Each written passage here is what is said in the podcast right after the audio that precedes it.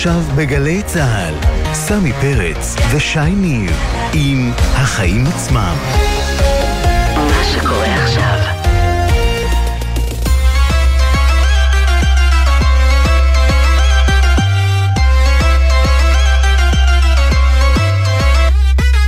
עכשיו שש וארבע דקות, אתם על החיים עצמם, התוכנית הכלכלית-חברתית של גלי צה"ל, באולפן, סמי פרץ, ולצידי שי ניב, שלום שי. אהלן סמי, מה נשמע? אה, אתה יודע, אנחנו היום אה, נהיה במהדורה קצת שונה עם כל העדכונים מהיום השלישי של מבצע עלות השחר, כן, מה לעשות, גם זה חלק מהחיים עצמם, יכול להיות שאפילו הפסקת יש עוד הערב.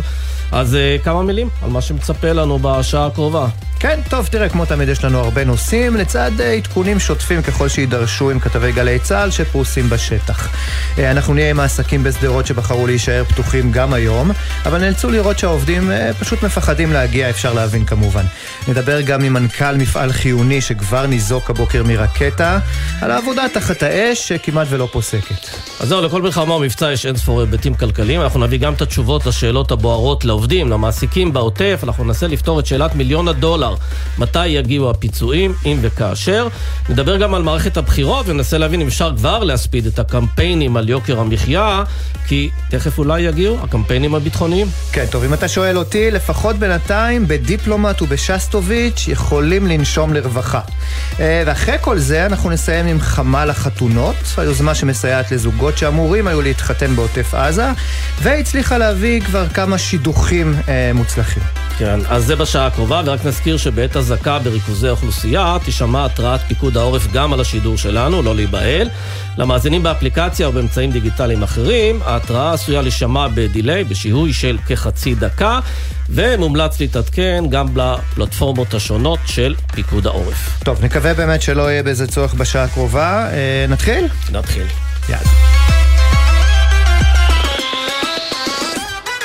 טוב, אז כל הזמן יש אזעקות, ואנחנו נעדכן כמובן ככל שיידרש. אה, אנחנו רוצים אבל אה, להתחיל בכל זאת עם אה, מה שקורה בפעילות הכלכלית של העוטף, שדי שותקה בימים האחרונים. האזרחים נמצאים במרחבים מוגנים, חלק מהפעילות הכלכלית באמת לא, לא עובדת כמו שצריך. ואנחנו רוצים לדבר עם ליאור אשורוב, הבעלים של מסעדת יקיטורי סושי בשדרות. שלום. שלום, ערב טוב. ערב טוב. אז קודם כל, ברגעים אלה, מה? רגוע או שיש אה, אזעקות כל הזמן? אה, האמת, אה, לפני זמן קצר הייתה איזו אזעקה, רצנו פה לממ"ד, אבל בינתיים רגוע. כן, אז יש לך...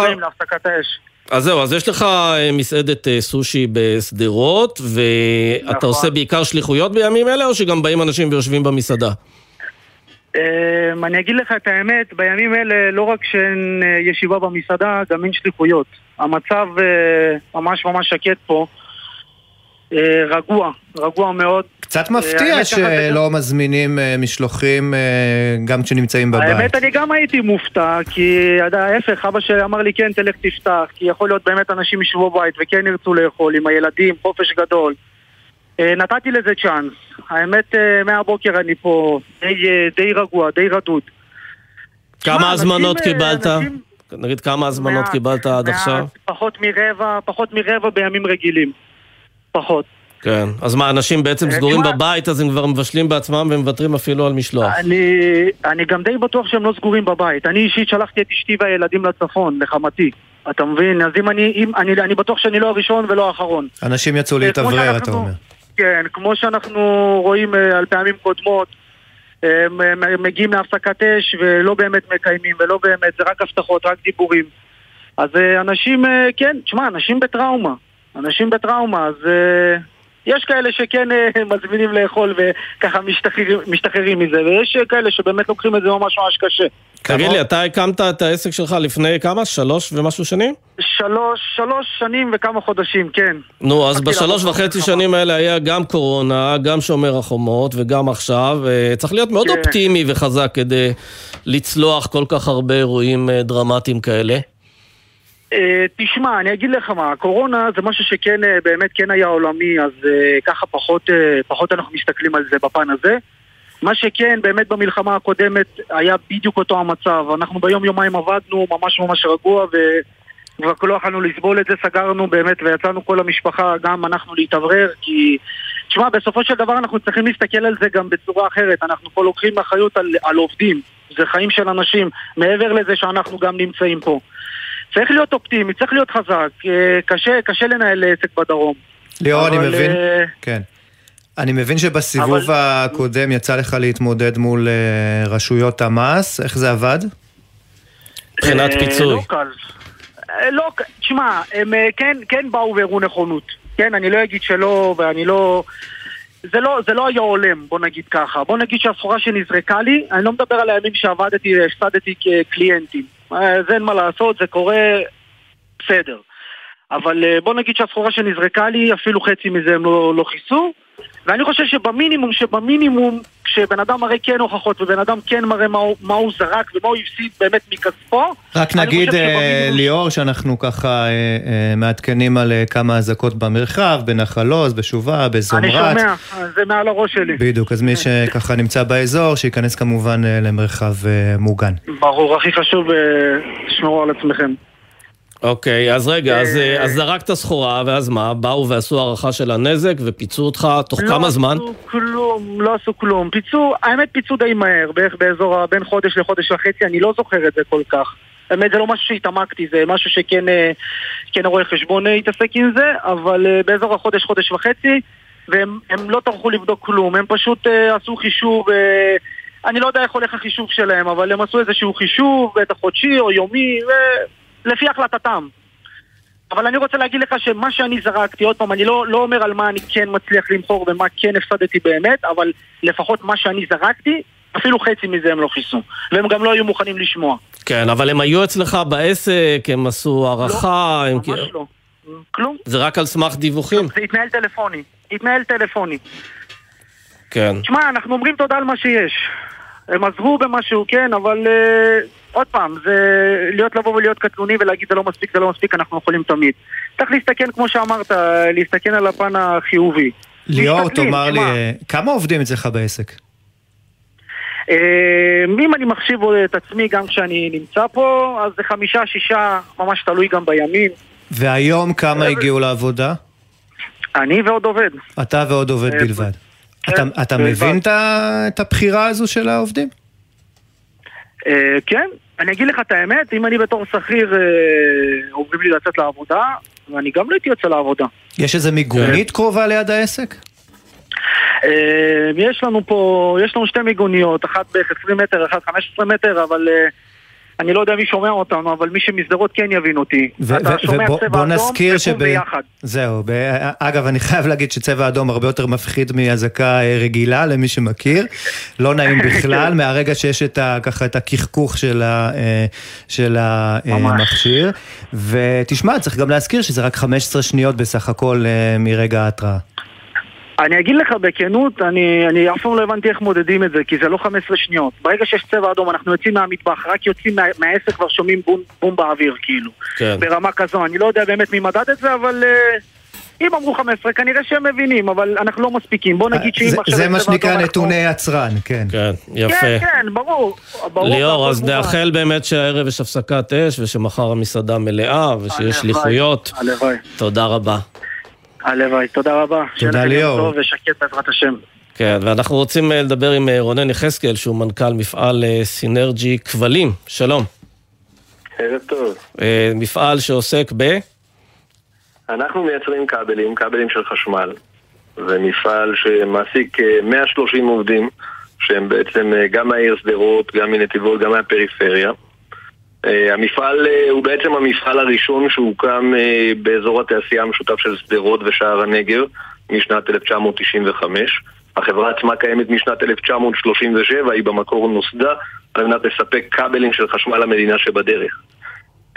וכן, מתמודדים עם החוויה הזאת שנקראת אירועים ביטחוניים לעיתים ולפרקים. אז זהו, אז הבוקר באמת אה, הבנתי שלקראת אה, ככה רבע לתשע אה, נפלה רקטה די קרוב למפעל? נכון, כמה עשרות מטרים ממש משער המפעל. אה, ממש נפלה שם. אה, זה, זה לא משהו לצערי, זה לא משהו שהוא חדש. צבע, רק המפעל אה, רונן, אני, אני רק קוטע אותך כדי לומר שיש צבע כן. אדום בזיקים, אז ככה כל מי שבמרחב כמובן להיכנס למרחב אה, מוגן. אז אתה אומר שסמוך לשעה תשע בבוקר אה, באמת נפלה רקטה אה, קרוב למפעל. איך זה משפיע נכון. ככה על אה, סדר היום מהרגע שזה קורה? אני אתחיל אפילו יותר מזה. עצם האזעקות, אנחנו מפעל שעובד 24/7, אוקיי? וזה מפעל שעובד אה, אה, על מכונות שהן בתהליכים רציפים. וכל אזעקה כזאת שמצריכה את העובדים, והעובדים מאוד מתורגלים בנושא הזה, לרוץ ממש אה, למרחבים המוגנים, גורמת, אתה יודע, לשיבושים ב- ב- בייצור עצמו. זהו, אז מה עושים באמת? אה, קו ייצור פועל, אז מה, צריך להפסיק אותו? איך- כאילו, איך זה עובד אה, מעשית בפועל? אז אוקיי, מכיוון שאנחנו עוסקים בכבלים, וכבלים זה ייצור ארוך, לאורך קילומטרים, לא ניתן לעצור את המכונות. אז אתה בעצם יורד למרחב המוגן, אה, שוהה שם את המינימום ההכרחי שאפשר. בזמן שהמכונות ממשיכות לעבוד? בדיוק. מתוך, מתוך אמונה וציפייה שבעצם לא קרה שום דבר בדרך, וכמובן אם קרה משהו בדרך, וקורים לעיתים דברים בדרך, זה פוגע במוצר עצמו, ואתה צריך לחזור עליו מחדש. כן, אז רגע, אז אפשר להגיד שאתם אחד המפעלים היותר ממוגנים בישראל, הודות באמת לניסיון שלכם באירועים כאלה בשנים האחרונות? חד משמעית. המפעל שלנו נמצא על שטח של 60 דונם, אתה מבין את הגודל, והמשמעות היא שבעצם יש לנו מיגוניות בכל המפעל, יש לנו למעלה מ-20 מיגוניות. כדי לאפשר לכל אחד ממפעילי הקווים שלנו את הטווח של ה-15 שניות וכמו שליאור אמר, אני לא יודע מי ספר את ה-15 שניות, הרבה פעמים אין גם את ה-15 שניות כדי להגיע. כן, והמדינה. מסבסדת לכם את המיגון הזה? היא משקיעה לא, בזה, לא. או שזה הכל על חשבון לא. החברה? המיגון על חשבון החברה, אני יכול להגיד לך שרק לאחרונה נאלצנו אה, לשים מיגון אה, ממ"ד בחדר מוגבע שהוא מעל הזה, זה, זה הכל בעלות... אה, זה, זה. עשרות אלפי שקלים למיגוני, צריך לומר, נכון? חד משמעית. חד כן. משמעית. אבל באופן כללי, הישיבה שלכם בשדרות קשורה גם לזה שהמדינה מעניקה הטבות, הרי בסך הכל קל לוותר על המקום הזה וללכת למקום יותר רגוע. איך אמרת? זה קל לוותר? לא, אנחנו לא מאלה שמוותרים, אוקיי? אז אנחנו לא נמצאים בעולם הזה. ב-95, כשהמפעל הוקם שם בעיר שדרות, זה היה כן, גם מתוך הטבות, אבל גם מתוך ציונות. כשתבואו ותפגשו את העובדים שלנו ותראו את עובדי הפריפריה, שחלקם עובדים 20 ו-30 שנה, אתם תבינו, זה, זה כבר משהו של אחד קשור בשני. אתה הפכת למשפחה שם, במקום הזה. אה, המפעל הזה כבר ספג אה, פגיעות אה, ישירות ואפילו יותר מפעם אחת, נכון בעבר? חד משמעית, המפעל הזה ספג כבר אה, מספר פגיעות אה, בסיבוב האחרון אה, של שומר חומות וצוק איתן הייתה פגיעה, אפילו עובד שלנו לצערנו בזמנו נפגע עד כדי זה שהוא לא יכל לחזור כתוצאה מהפגיעה לעבודה. אני יכול להגיד באופן אישי, אני מנכ"ל יחסית חדש במפעל הזה, אבל אפילו בחדר של המנכ"ל הקודם הייתה פגיעה ישירה. אז כן, המפעל ספג פגיעות. אני יכול להגיד שהמדינה כן משתתפת וכן אה, נחלצת כשהיא צריכה. אה, היה לנו נזק בפעם הקודמת שמס רכוש העריך אותו בשני מיליון שקלים ואנחנו קיבלנו פיצוי הולם. אז אה, כן, מכירים בדברים האלה, מזהים אותנו אה, כמפעל שנמצא בקו עימות וגם מתייחסים בהתאם. אה, בסופו של דבר אנחנו אה, שומרים שם על המקום, מחזיקים אותו.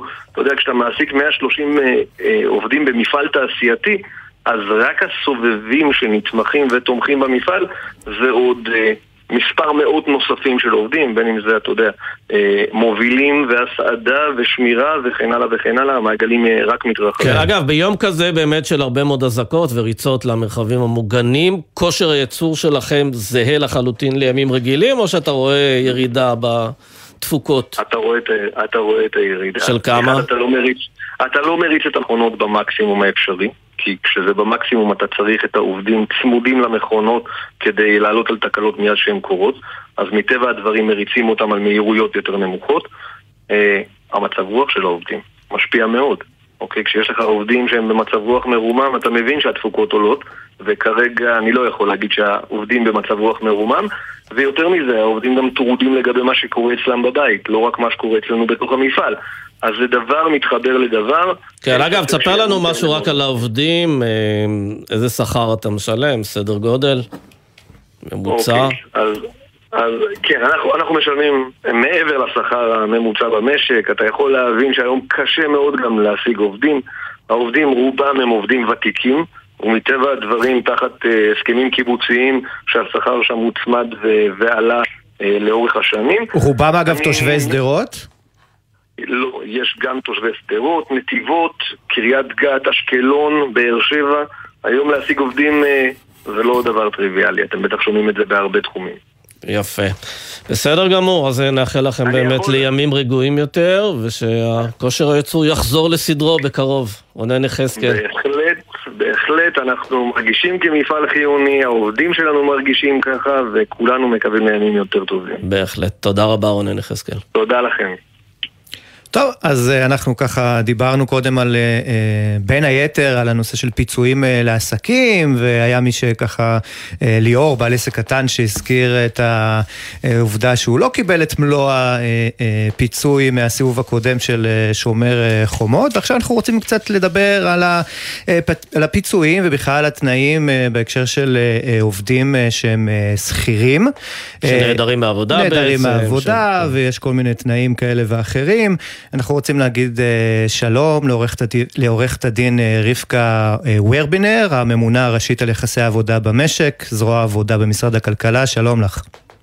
שלום לכם, ערב טוב, ערב שקט. בהחלט, נקווה. אז תראה, אנחנו רוצים באמת ככה לדעת מי זכאי לפיצוי, מי לא, איך זה עובד, האם זה לפי רק טווחים, האם יש קריטריונים נוספים. כן, אוקיי, אז בגדול אה, אה, ההכרזה למצב מיוחד פותחת את האפשרות לפיצוי, ויהיה זכאי שנעדר בגלל או בשל כוחות הביטחון. זאת אומרת, אם הוא נעדר בגלל אה, חוסר היכולת להגיע לעבודה, הוא אה, בדיעבד יוחלט, אבל כרגיל היה שהם פוצו. זאת אומרת, אנחנו נמצאים במצב שלפני, ואני לא רוצה להבטיח לכל אחד מה יהיה. לא, אבל זהו, אבל בוא בגדול, נראה מה זה חוסר... שנעדר- לא, אבל אני מנסה להבין מה זה חוסר יכולת להגיע לעבודה. הרי מי שעובד באמת בעוטף עזה, זה- זה כמובן הרבה יותר אינטנסיבי אז- מאשר מי שעובד יש- בראשון. מסכימה איתך, ולכן אה, האזור הזה הוכרז כאזור אה, אה, מיוחד, ולכן האזור הזה כנראה יפוצה. אני רק לא רוצה להגיד את זה, אתה יודע, בסופי, אבל בגדול, טווח הסכנה מפוצה.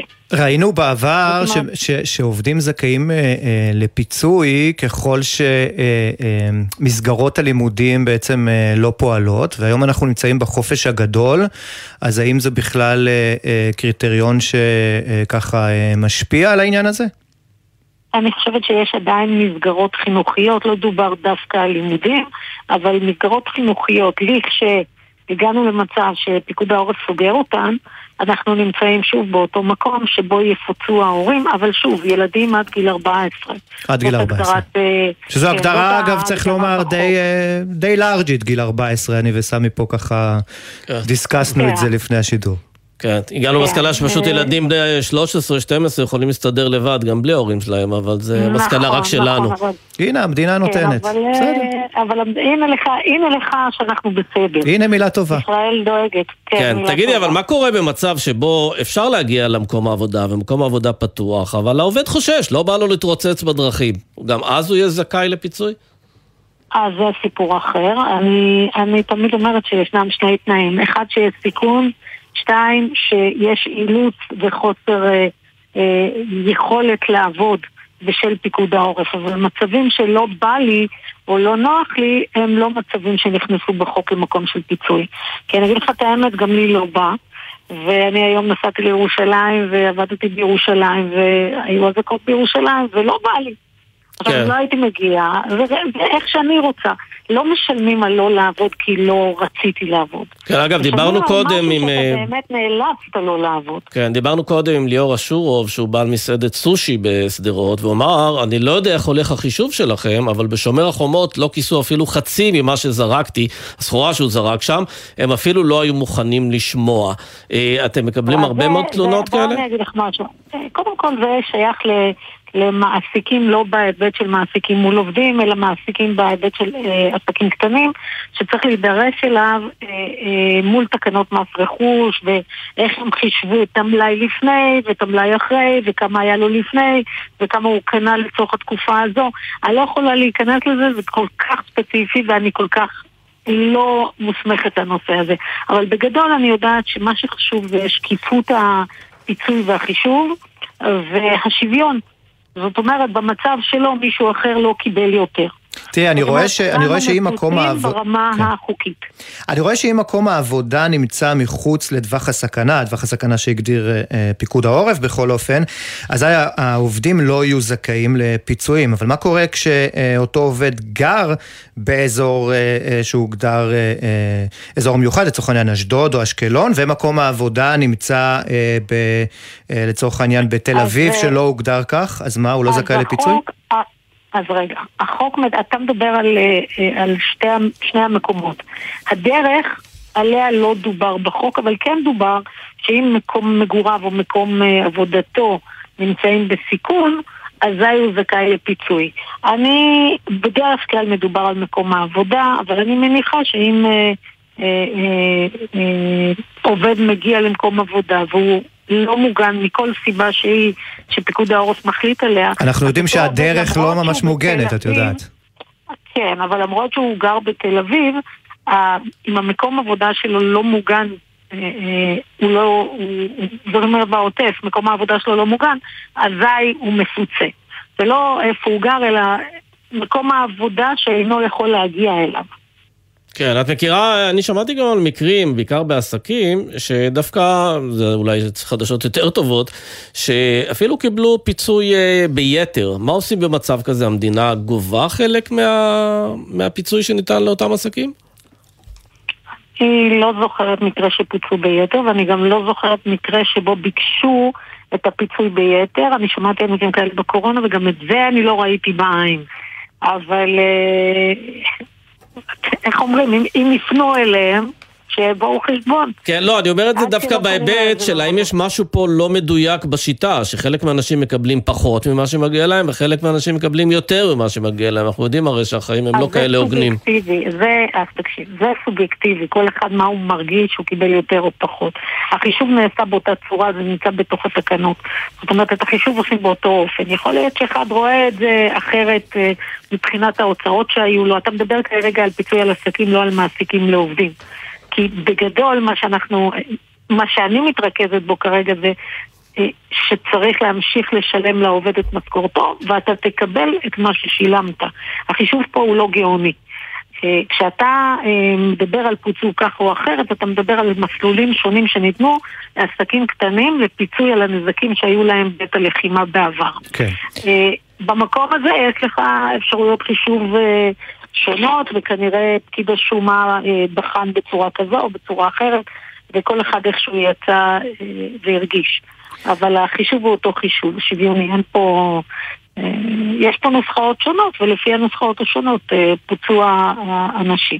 אבל שוב, אני לא מוסמכת לעסקים קטנים, יש לנו במשרד הכלכלה את הרשות לעסקים קטנים שעושים את זה ש... שאלה אחרונה ככה לסיום, אה, תראי, יש שורה ארוכה של אה, אה, מקומות עבודה ומפעלים שהוכרזו כחיוניים למשק, זה אישור מיוחד של משרד הכלכלה. מה דינו של עובד, לצורך העניין, שמחליט שהוא לא מגיע למקום עבודה כזה שהוכרז כחיוני? אז תראה, קודם כל זאת עבירה פלילית על פי חוק. זאת אומרת, עובד עבירה פלילית? כן. עובד חיוני יודע שהוא חיוני והוא צריך להגיע. אבל צריך לקחת בחשבון את העובדה שעובד חיוני כזה, נניח שהוא לא הגיע, והרבה פעמים, הרבה פעמים, יכולים להיות מקרים שהוא גם יבקש את ההיעדרות שלו, פיצוי. אז במקרה של הפיצוי, אין לי ספק שהוא לא יפוצה. בהיבטים הפליליים, המערכת תטפל. כן, אה, יפה. כי הרי לא ייתכן, לא ייתכן בינינו, שכל אחד שהוא עובד חיוני, הוא יודע שהוא עובד חיוני. זאת כן. אומרת, אם אתה עובד חיוני, אתה אמור להיות בשעות הקשות האלה, אחרת לא יהיה לנו לא מים ולא חשמל, ולא תחבורה ולא מוסדות ציבור. בהחלט. עורכת הדין רבקה ורבנר, אנחנו רוצים מאוד להודות לך על השיחה הזאת, תודה רבה. אני רוצה להודות לכם ולברך את כולנו להמשך שבוע שקט, לכל בית ישראל. בהחלט. כל טוב.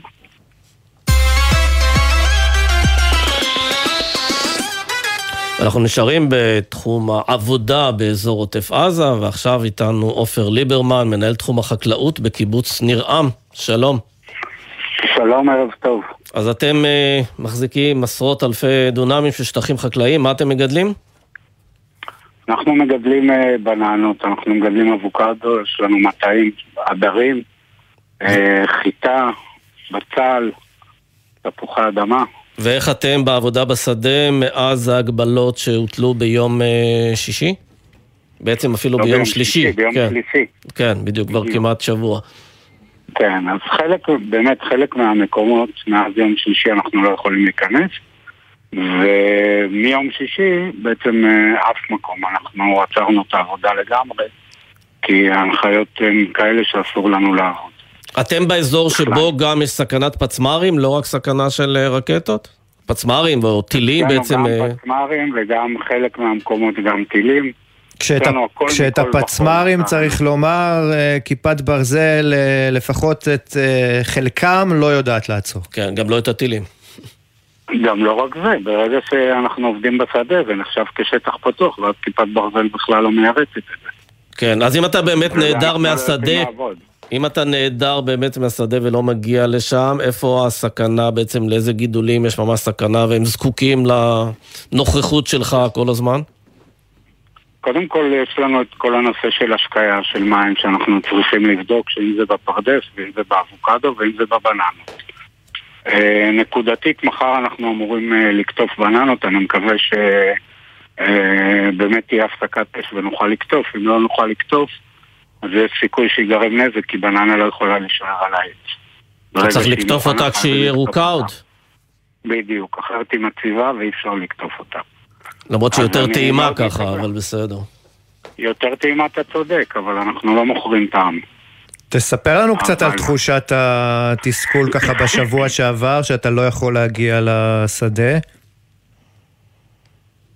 תראה, אני חושב שזה היה שלושה ימים מאוד מאוד קשים, כי זה היה סוג של מתח כזה שהיינו בו. ואיך הבת שלי אמרה, היא אמרה לי, אבא, נו, שכבר יהיה צבע אדום, שנוכל להשתחרר מזה. הבנת כבר אז את. שיקול הדעת, או שככה רק בדיעבד אולי דברים התחברו? רק בדיעבד, רק בדיעבד. זאת אומרת, את שיקול הדעת הבנתי, אבל זה היה נראה לי אה, הרבה מדי זמן כדי שנישאר בחוסר ודאות. כן. אני חשבתי שאפשר ביום אחד לפתור את זה, אבל לא ידעתי, וכנראה ש... ש... שהיה צריך את השלושה ימים האלה כדי לבצע את מה שבסופו של דבר ביצעו, שאני חושב שזה בסופו של דבר היה נכון, זאת אומרת, זו פעם ראשונה מזה הרבה שנים שמדינת ישראל בעצם יוזמת ולא כן. נגררת. אתם מעסיקים גם אה, עובדים אה, תאילנדים, איך הם אה, מגיבים למצב הזה? לא מפוחדים? קודם כל הם מפוחדים, והם חלקם גם רגילים, וברגע שיש להם מגורים ויש להם שם אה, מיגוניות, אבל ברגע שיש הסלמה כמו עכשיו, אז אנחנו מעבירים אותם לישון במקלט, ממש במקלט, כדי שלא יצטרכו בכלל אה, לרוץ באזעקות, אלא לישון טוב בלילה, וביום אנחנו לא עובדים, אז אין בעיה. זהו, פעם באמת ראינו ככה מראות מאוד אה, קשים של אה, עובדים אה, תאילנדים אה, שנפגעו מפגיעות ישירות אה, אה, בשדות, זאת אומרת היום הם אה, מוגנים יותר. הם קודם כל ב, באזור של המגורים שלהם יש מיגוניות. וברגע שיש הסלמה, אז אנחנו מכניסים אותם לישון במקלט. הם לא ישנים במגורים שלהם, כדי שהם אפילו לא יצטרכו לקום בלילה ולעבור למיגונים. כן, ניהלנו פה איזה אנחנו דיון קודם. על העניין של הפיצוי. אה, אם אתה משווה את זה באמת, אה, נגיד, אה, לתקופה, ל- לאירוע הקודם של שומר החומות, אה, אתה קיבלת פיצוי על אה, מלוא הנזק, על חלק מהנזק? תראה, אני חושב שבשומר חומות בסופו של דבר אנחנו קיבלנו פיצוי מאוד הגון.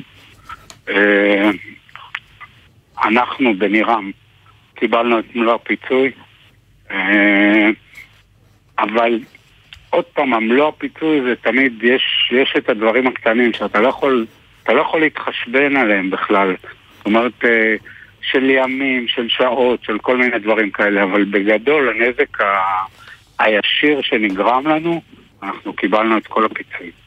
כן, ובאיזה סדר גודל זה היה?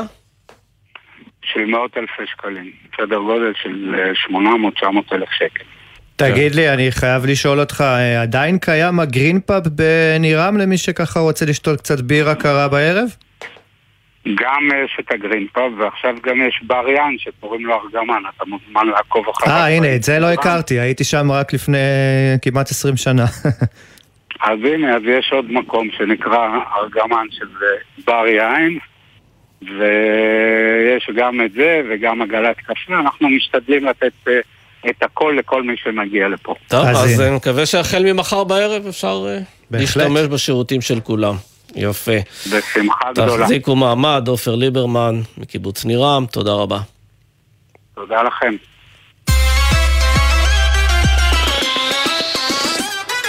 עדיין בכלכלה, אבל הפעם הכלכלה של עזה, שמשותקת בגלל, בגלל המצב באמת אה, ברצועה. אנחנו רוצים לדבר עם אה, ג'קי חוגי, כתבנו לענייני ערבים, שלום.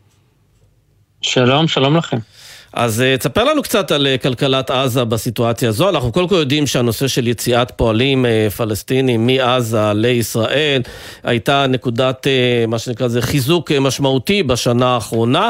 זה גם כן מרחף באוויר במסגרת העובדה שהחמאס לא מצטרף לג'יהאד במאבק הזה?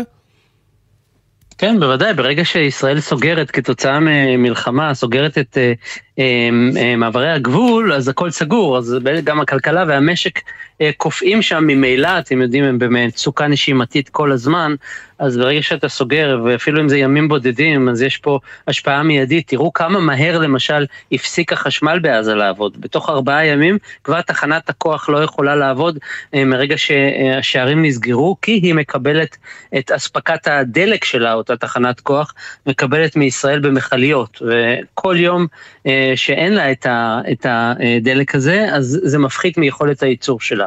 עכשיו, אתם שאלתם לגבי המשק העזתי והקשר שלו לישראל וכמה השפעה, אז בואו נראה מאיפה בעצם המשק הזה חי. אז א', כמו שאמרתם, פועלים מישראל, שזה דבר יחסית חדש, או חדש-ישן, כן. סיפור אם של כי לא- השנה אם כי לא האחרונה. הגיוני ש-14 אלף פועלים יפרנסו שני מיליון איש, כן? לא, אבל זה המון כסף, תחשבו, 14,000, כל אחד מביא כסף, כסף במזומן. זה דם חדש שמוזרם לתוך מזומן כמעט מדי יום, או לפחות בסוף שבוע, בין 400 ל-800 שקלים ביום אה, מזומן.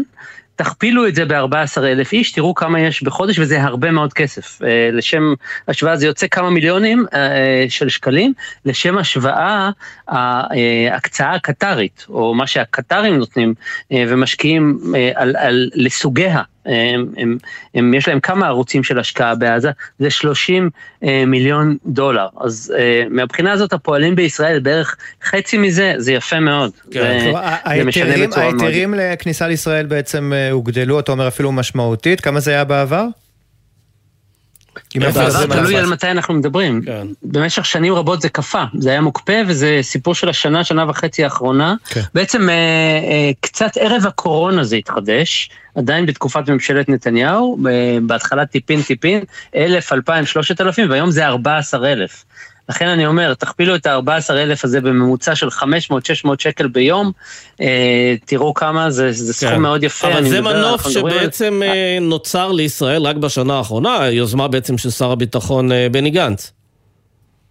כן, אבל זה, זה מנוף שבעצם הוא ביטחוני. בעצם אתה נותן להם אה, אה, איזושהי פריבילגיה שמרגיעה או אמורה להרגיע, וזו אחת הסיבות שחמאס שמרו, שימו לב, מאז שומר חומות היו להם הרבה סיבות אה, להטריד את ישראל מבחינה ביטחונית ולירות ולעשות פרובוקציות, אבל הם שמרו על, על אה, הנשק שלהם נצור, גם כדי לא להפסיד את הפריבילגיות האלה. כן. אז העובדה שישראל, אה, אתה אומר, אה, ככה מנסה אה, אה, לבדל בין החמאס לג'יהאד, ואנחנו גם לא רואים פגיעה בתשתיות אה, אזרחיות, כמו שראינו בסבבים קודמים אה, שהיו מול החמאס. כל זה בעצם אה, אה, לא, לא מאפשר עדיין איזושהי פעילות התראה שדרות, איבים, נרעם. היכנסו למרחב המוגן.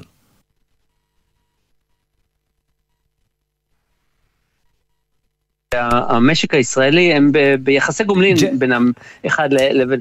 אז- ג'קי, אז אנחנו רק נאמר שה- שהייתה, את- רק נאמר שהייתה התראה של אה, צבע אדום ממש עכשיו, באזור שדרות, מפלסים, אה, קיבוצי האזור, אז כמובן ניכנס למרחבים אה, מוגנים, כל מי ששומע אותנו באזור.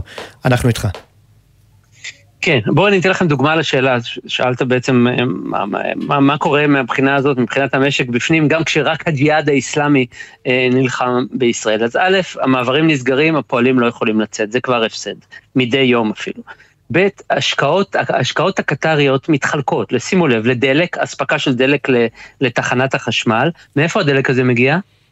מישראל? מפז? מישראל. מחברת פז? זה, זה חברת פז, כן, חברת פז ומכליות מכניסה את הדלק לתוך עזה. כלומר, המשק הישראלי נהנה מההסדר הזה, הסדר קטרי שמממן את הדלק בעזה.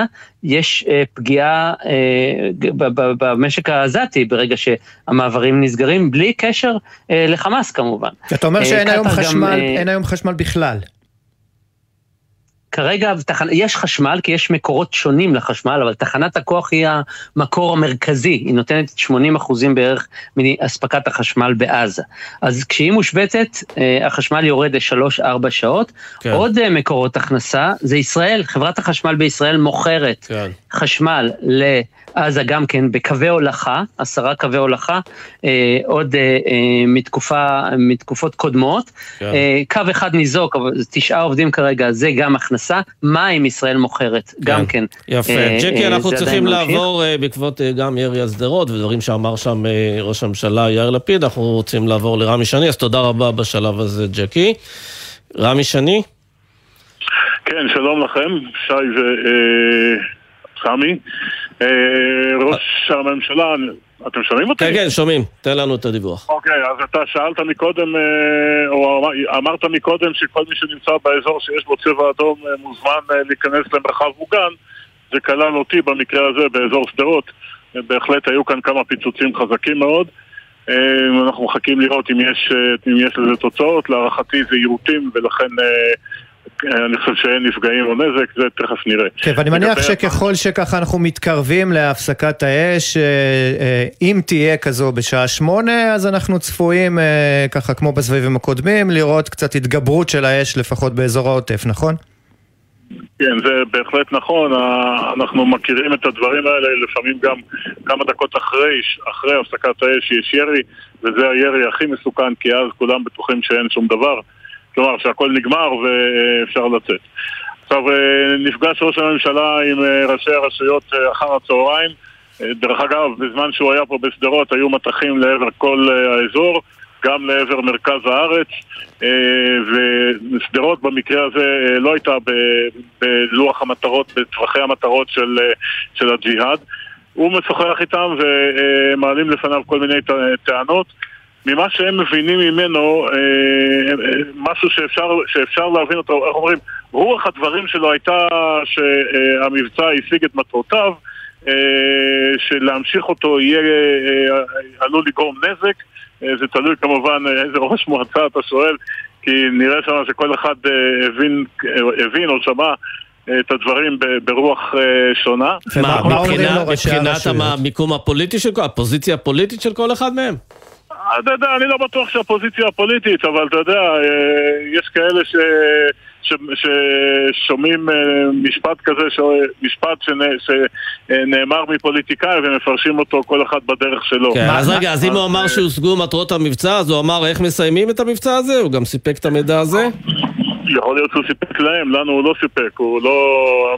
התקשורת הייתה מחוץ למפגש ולכן הדברים שאנחנו מקבלים זה ממקור, מה שנקרא מקור שניוני אה, ולכן אה, אה, אנחנו מקבלים אותם בצורה, איך אומרים, את רוח הדברים, פחות, פחות את הדברים באופן מדויק. כן, יפה. רמי שני, תודה רבה. אנחנו רוצים לדבר עם אמיר בר שלום, פרשננו לענייני צבא וביטחון, שלום. שלום שי, שלום סמי, ערב טוב. אז בואו רגע ניקח את ה... זה, נעשה ככה זום אאוט של כל הקטטה הקטנה הזאת פה, נקרא לזה כך, עם הג'יהאד. יש פה סוגיה בעצם הרבה יותר רחבה, גם הסיפור מול החיזבאללה, איראן שבוחשת תמיד. כרישים אה, גדולים יותר. בדיוק. כרישים גדולים יותר. תספר לנו על הכרישים הגדולים יותר, איך הם רואים את האירוע הזה. תראו, תלוי את מי אתם שואלים. אתם שואלים את אה, חיזבאללה ואיראן. איראן וחיזבאללה הם למעשה הגב של הג'יהאד האיסלאמי. אמיר בר שלום? כך שמבחינתם זה היה... טוב, אמיר כבר לא איתנו. רגע, שומעים את אמיר?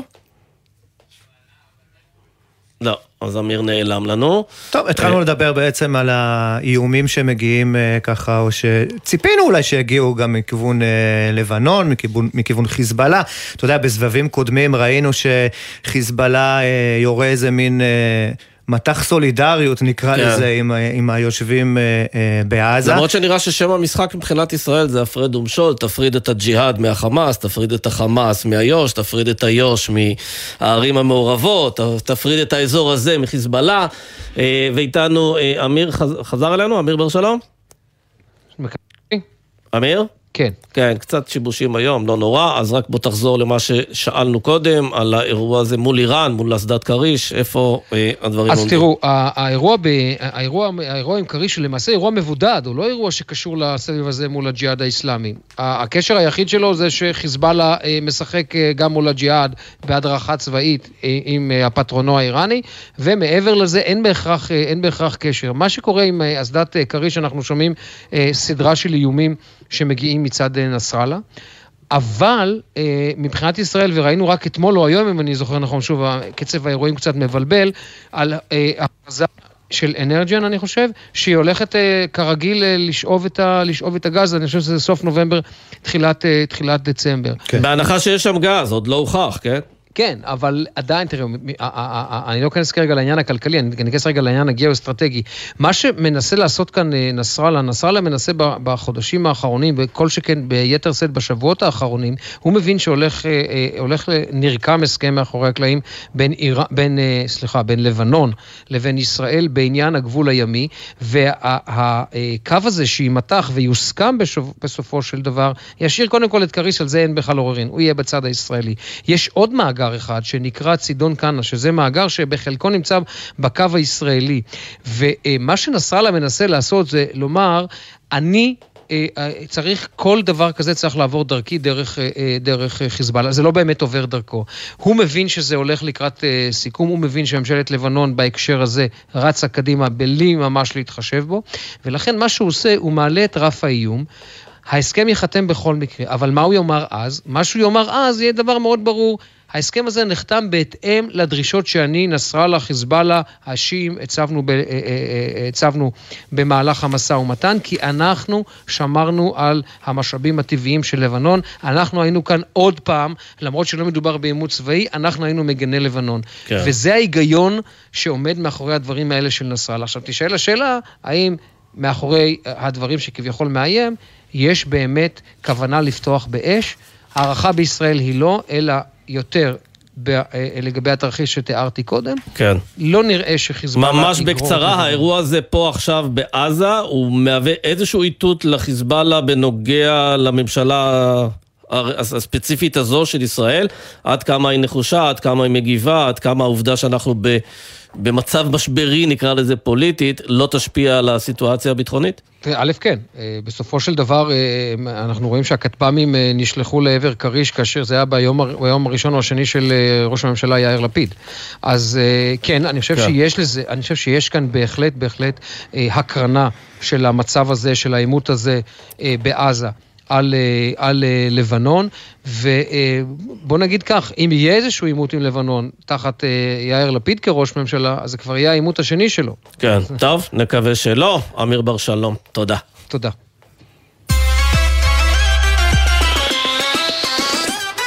שי, אתה זוכר שהושק אה, בסוף השבוע שעבר קמפיין של אה, בנימין נתניהו, יושב ראש האופוזיציה, בנושא יוקר מחיה? אה, דיברו על זה שעה ורבע, ואז פרץ האירוע הביטחוני הזה. מי זוכר? מי זוכר, בדיוק. אנחנו רוצים לדבר על זה עם שניים, עם טל שניידר, כתבת מדינית פוליטית בזמן ישראל. שלום טל. היי, ערב טוב. וגם עם יניר קוזין, פרשננו הפוליטי. אז באמת, אתה יודע, אי אפשר כבר להשיק פה קמפיין כמו שצריך. תוך יומיים סדר היום משתנה. אה, אז, אז מה עושים כשנשארו כמעט שלושה חודשים עד הבחירות? זו, זו הבעיה, אני חושב, בכלל עם ההיבט הכלכלי בכל מערכות הבחירות כאן בישראל. כלומר, אה, זה יכול להחזיק, אבל תמיד יהיה משהו שיאפיל על זה. בדרך כלל זה הנושא הביטחוני שהוא מאפיל על הכל, אבל העניין הכלכלי בכל פעם שעולה כאן אה, בישראל מצליח להחזיק תקופה קצרה, בדרך כלל זה מגיע בהתחלה, לא, אי אפשר למשוך מה שנקרא קמפיין שלם על העניין הכלכלי, אבל אולי בכל זאת יש כאן אה, נקודת אור, מכיוון שהמחירים עדיין מאוד מאוד גבוהים. הגישה הייתה שבכל זאת צריך להציג כאן תוכנית כלכלית, אגב אני מזכיר לכם גם את ראש הממשלה לפיד, עם השקת הקמפיין שלו דיבר לא מעט על אה, יוקר המחיה, אז יכול להיות שבשוך הקרבות אנחנו נראה חזרה לעניין הזה, עד שיגיע נושא אחר ויפעיל עליו שוב. ועדיין, אני רוצה לשאול אותך, טל, תראי, היה פה הימור די גדול מצד אה, נתניהו. אנחנו יודעים שבעשור האחרון, למרות שנושאי כלכלה הם סך הכל באזורי הנוחות של אה, נתניהו, לפחות אה, בעבר, בעשור האחרון ראינו אותו די בורח מזה והולך למקומות אולי הנוחים לו יותר, שזה איראן וזה הביטחון וזה הפחדות למיניהן. והנה הפעם הוא הלך על קמפיין כלכלי, השיק אפילו תוכנית כלכלית שמזה הוא, הוא, הוא נמנע בעבר, ומהר מאוד אנחנו עוברים פתאום בצר לו כנראה לסדר יום ביטחוני. איך זה ישפיע לדעתך על ההמשך? היי סמי, היי שי, באמת מה שראינו בימים האחרונים זה פשוט תמונת מראה. אני חושבת שעוד לא אפילו השתחררנו, אני לפחות, עוד לא, לא התרגלתי עדיין לזה שנתניהו לא... כל הזמן כל הזמן אנחנו מרגישים, זאת אומרת שהוא הוא, הוא הרי היה 12 שנים, הוא יכול לחזור במהרה, תמיד כל השנים האופוזיציה ניסתה לדבר על יוקר המחיה, הדיור, המחירים של המוצרים, ונתניהו היה אה, מנהל מבצע או מגן על ישראל ואיראן ובכל בריטון כזה והם היו אומרים ככה, אתם יודעים, זה פוליטי, הוא יוצא, הוא יוצא למבצעים פולי, פוליטיים כדי לנצח בבחירות ואנחנו מתוסכלים הכל בשביל להסיט את האש מה, מהדבר האמיתי, כן. וזה המחירים. ופתאום, ארבעה-חמישה ימים, בום, זה הפוך. הוא משית בשיא הרצינות קמפיין עם שקפים וגרפים. והצד השני, פתאום אנחנו רואים את גן... כן, אבל את יודעת, האירוע הזה, יכול להיות שהוא יסתיים הערב, נקווה שהוא יסתיים הערב, ובדרך כלל שוכחים די מהר מהעניין הזה וחוזרים חזרה לסדר יום. והשאלה, אתם מזהים קודם כל שהממשלה הנוכחית, יאיר לפיד, העומד בראשה, שר הביטחון, מנהלים בו זמנית גם מערכה צבאית וגם קמפיין פוליטי? רק רציתי להגיד שבסופו של דבר אנשים מצביעים על מצב ביטחוני ופחות מצביעים על מצב מחירים, זה אנחנו יודעים מההיסטוריה, ולכן יש לו פה איזשהו קושי. לגבי אם הם מנצלים את המצב, תראה, ברור שזה קמפיין זה מעורב, אבל אנחנו עדיין די רחוק. יחסית ממערכת הבחירות, ועוד דבר אחד לפני שאני אתן חזרה ליניר, זה שבעצם אנחנו כל הזמן נמצאים במערכות בחירות, ולכן כל הזמן אנחנו בקמפיינים בלי סוף, כי אנחנו, מערכת בחירות חמישית, אז, אז מתי המצב הביטחוני פה הופך להיות רגוע? רק, רק מתי שמה? כן. הרי אין הזדמנות בעצם לסיטואציה שהיא נטולת קמפיינים. במשפט, יניר. אתה מזהה בעצם גם שיש פה אה, מערכה פוליטית וצבאית בו זמנית? תראה, זה כמו ההכחשות של ישראל על הפסקת האש עד שקורית הפסקת האש. אתה לא אומר את הדברים, אז אומרים לך, אנחנו לא עושים עכשיו קמפיין, וגנץ מורה לכל אנשיו לעצור את הקמפיין הפוליטי, אבל מורה בכל זאת בהודעה לאנשי כחול לבן תקווה חדשה לרדת לדרום ולהיפגש עם האנשים. התמונות האלה יוצאות. צריך להזכיר שלפיד מנהל כאן קמפיין כראש ממשלה, וזה חשוב לו מאוד. לא, אני חלילה לא אומר שהיציאה למבצע צבאי היא קשר לזה, לא, אין קשר, אבל התמונות האלה שלו בקבינט המדיני-ביטחוני, בהערכת מצב ועוד אחת ועוד אחת, ובסוף גם אם המבצע הזה יצלח למדינת ישראל, הוא לא דבר רע מבחינה פוליטית עבור לפיד. לגבי העניינים הכלכליים, רק נגיד לאופוזיציה הרבה יותר קל להציג אלטרנטיבות. הממשלה היא בדרך כלל זו שמביאה למצב כלכלי לא טוב, ולכן אתה שומע את הבן אדם שאמר איפה הכסף, מדבר בעיקר על עניינים ביטחוניים בשלב הזה. כן, יפה. טל שניידר ויניר קוזין, תודה רבה לכם. תודה, תודה. רבה, ערב טוב. עכשיו? כן, טוב. הנה, היה לנו איזה ג'ינגלון כן. קטן.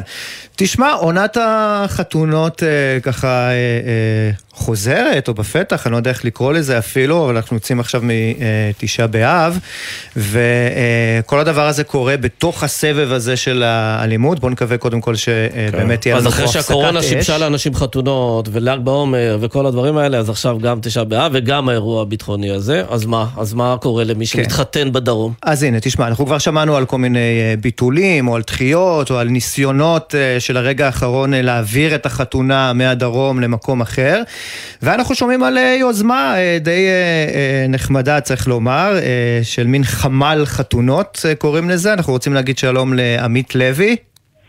אהלן, ערב טוב. אהלן, תספר לנו על חמ"ל החתונות שאתה מארגן בימים האחרונים. זהו, אז באמת אה, אני אה, בעלים של אה, שני גני אירועים בגוש עציון. החל מאתמול בערב, מקצת השבת, אני מקבל הפצצות לטלפונים האישיים שלנו, של בעלי המקום, מה שבדרך כלל קורה דרך המשרד, אנשים משיגים את המספרים שלנו, ומחוסר אונים בעצם מתקשרים אלינו, על מנת בעצם למצוא חלופה לאולם אירועים שבעצם ממחר כל ערב יש חתונה. אנחנו מלאים כמעט עד סוף העונה בשני גני האירועים שלנו, ואני מבין את המצוקה. החלטתי אה, ליצור קשר עם קולגות שלי וחברים ובעלי אה, אה, אה, אולמות אירועים וגני אירועים. הפכת. בעצם לסוג של שטחן. בדיוק, אני הפכתי להיות האנשים שפונים אליי, אני אמרתי אני אבדוק עם החברים מי פנוי ואני אחבר ביניהם. יפה, אז בוא נדבר עם זוג שיש פה באמת, שאמור היה להתחתן, נוגה סלימי ומשה פויר ורקר. שלום לכם, נוגה ומשה. שלום מה נשמע? מה נשמע? אז רגע, אתם מתחתנים מחר, איפה תכננתם להתחתן ואיפה זה יקרה בסוף? אה, תכננו להתחתן בארבע עונות. שזה נמצא שדרות? בשדרות? ליד שדרות? ליד שדרות, כן, כן. בבור חיל, קיבוץ בור חיל. אה, נהדר. יפה, ואז כן. מה? ואז פרץ המבצע והתחלתם לחפש בטירוף אה, אלטרנטיבה? כן, איך שיצא שבת התחלנו מרתון של אה, טלפונים, גם אצלנו בבית פתחנו חמ"ל, להתחיל לחפש אה, באמת האנשים וזה, שיכולו גם לעזור לנו ולמצוא גם אולמות ומקומות שנוכל לעשות את החתונה, בעצם לקיים בכלל את החתונה. כמה אורחים אה, הזמנתם במקור? מה אתה אומר? כמה אורחים הזמנתם במקור? במקור הזמנו 600 כשאישרו הגעה 460. אה, אבל אה, היום, אחרי אישורי הגעה ואחרי שגם מצאנו מקום, מצאנו את, אה, את בית הברכה, שליאור אה, מנהל שם, והם פשוט מדהימים. איפה נמצא המקום? וישר אה, דיברו איתנו. מה? איפה נמצא המקום?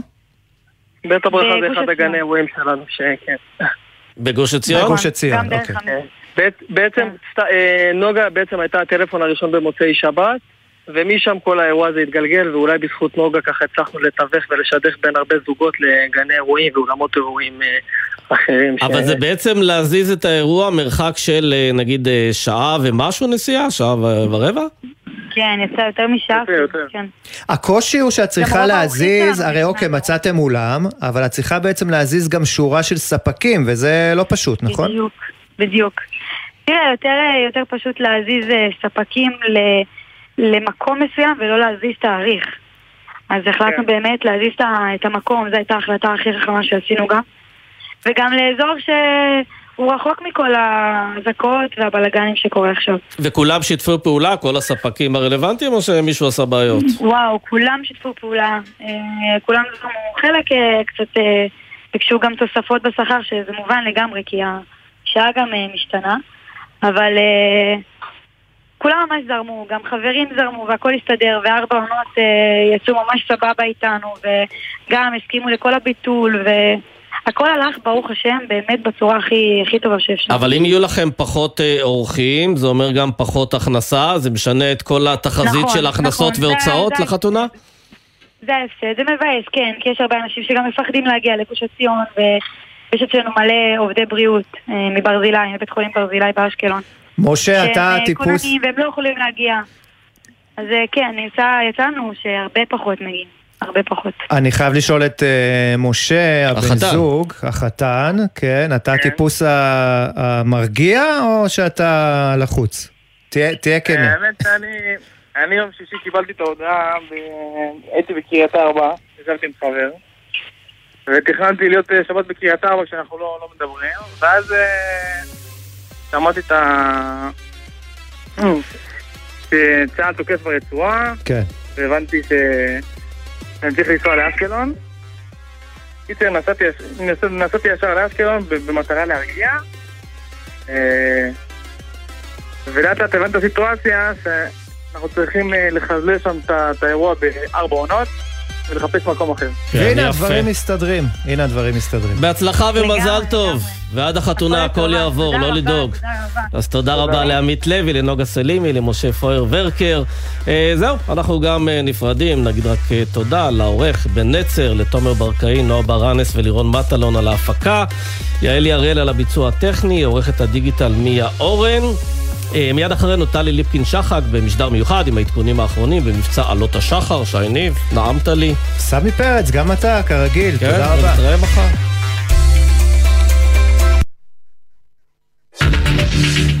התראה שדרות, איבים, נרעם. היכנסו למרחב המוגן. התראה אשקלון, דרום. היכנסו למרחב המוגן.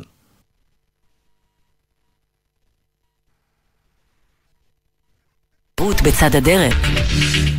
התראה אשקלון, צפון. היכנסו למרחב המוגן.